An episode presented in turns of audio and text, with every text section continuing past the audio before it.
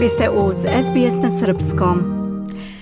Vi slušate SBS na Srpskom. Ostanite sa nama do 16 časova. Ja sam Biljana Ristić. Kao što sam spomenula u pregledu vesti, federalni ministar za delovanje u vanrednim situacijama Mari Watt će od danas biti domaćin nacionalnog samita o spremnosti za požarnu sezonu u Kamberi zajedno sa predstavnicima vlada država i teritorija. Na liniji imamo Ninu Marković. Nina, dobar dan. Dobar dan. Reci nam više o ovom samitu. Danas se održava u Kamberi dvodnevni nacionalni samit gde će se okupiti preko 250 predstavnika vlada svih država i teritorija Australije. Ovaj nacionalni samit se smatra istorijskim zato što se diskutuje o pripremama pred požarnu sezonu. Fokus je na pripremi, na odgovoru i na pružanju prve pomoći, posebno ljudima sa disabilitetom i prvim narodima Australije. Biro za meteorologiju Australije kaže da će ove godine El Niño biti posebno poguban za suve regione Australije poput jugoistočnog dela Australije. Tokom dvodnevnog samita desit će se i simulacija odgovora na požare. Brandon Moon, koji je generalni koordinator Agencije za menadžment nacionalnih kriznih situacija, upozorio je da Australijanci trebaju da imaju na umu i druge vrste prirodnih nepogoda poput ciklona i poplava. Ministar za vanredne situacije, Mari Watt, je ovoga jutra razgovarao sa Hamish McDonaldom iz ABC nacionalnog radija. On ga je upitao da li je država uradila dovoljno nakon izveštaja Kraljevske komisije o takozvanom crnom letu, odnosno katastrofalnim požarima iz doba 2019-2020. godine.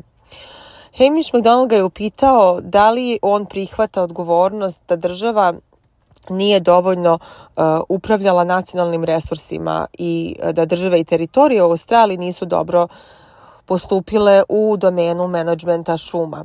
Vat je rekao da je primetio da su države i teritorije napravile različite pomake od kada je izveštaj izašao, ali on kaže i citiramo ga, ne želim da krivim države i teritorije poput vlade Scotta Morrisona, ljudi su uh, naučili lekcije i rade na tome da se situacija poboljša. Međutim, ne treba zaboraviti da su Novi Južni Vels i Viktorija osetile ogromne i poplave, a sada su ta ista područja pod velikim rizikom od požara.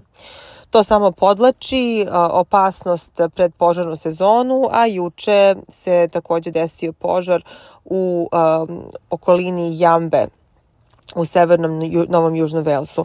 Tako da ovaj samit koji okuplja i nevladine organizacije i brojne druge agencije za odgovor na prirodne nepogode, a posebno požare, postoji nada da će se nakon ovoga dobiti jedan koordinisan pristup ovom velikom e, izazovu svih država i teritorija Australije. Nina, juče je laboristička vlada Novog Južnog Velsa objavila državni budžet. Da li znamo ko su dobitnici, ko su gubitnici u alociranju sredstava? Juče je obelodanje novi budžet Novog Južnog Velsa i to je prvi budžet laborističke vlade kroz više od 10 godina.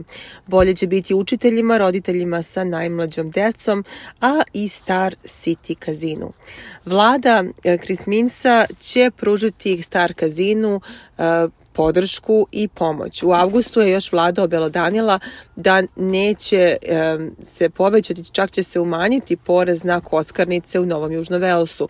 To će vladi Novog Južnog Velsa i budžetu doneti gubitak od 432 miliona dolara, a ukupno 1,5 milijardu gubitka.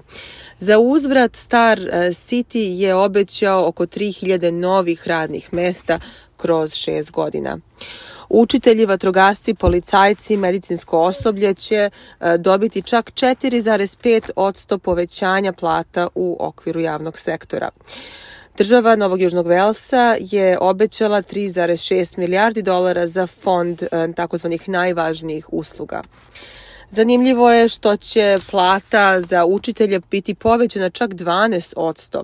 Početna plata se povećava od 75.791 dolara na čak 85.000 godišnje, a nastavnici na najvišoj stopi um, plaćanja dobit će od 13.000 dolara sada 122.000 dolara na godišnjem nivou. Ovime država uh, je povećala znači za čak 2% platu u državnom sektoru. Vlada Perotea je imala odvojeno 2,5%, međutim vlada Minsa čak 4,5% e, za plate i povećanje plata u državnom sektoru, što je zaista veliki pomak i ispunjeno jedno od obećanja njegove vlade. Danina, roditelji će se obradovati povlasticama u novom budžetu vlade Novog Južnog Velsa i takođe i ljudi u Wollongongu i Newcastle za koje će se odvojiti više novaca za kulturne događaje. Da kažemo malo više detalja i o tome. Roditelji mališana u Novom Južnom Velsu do tri godine plaćat će čak 500 dolara manje za troškove vrtića. Ova budžetna mera će koštati 64 miliona dolara kroz dve godine. Fokus će biti na zapadnom Sidneju i regionalnim delovima Novog Južnog Velsa.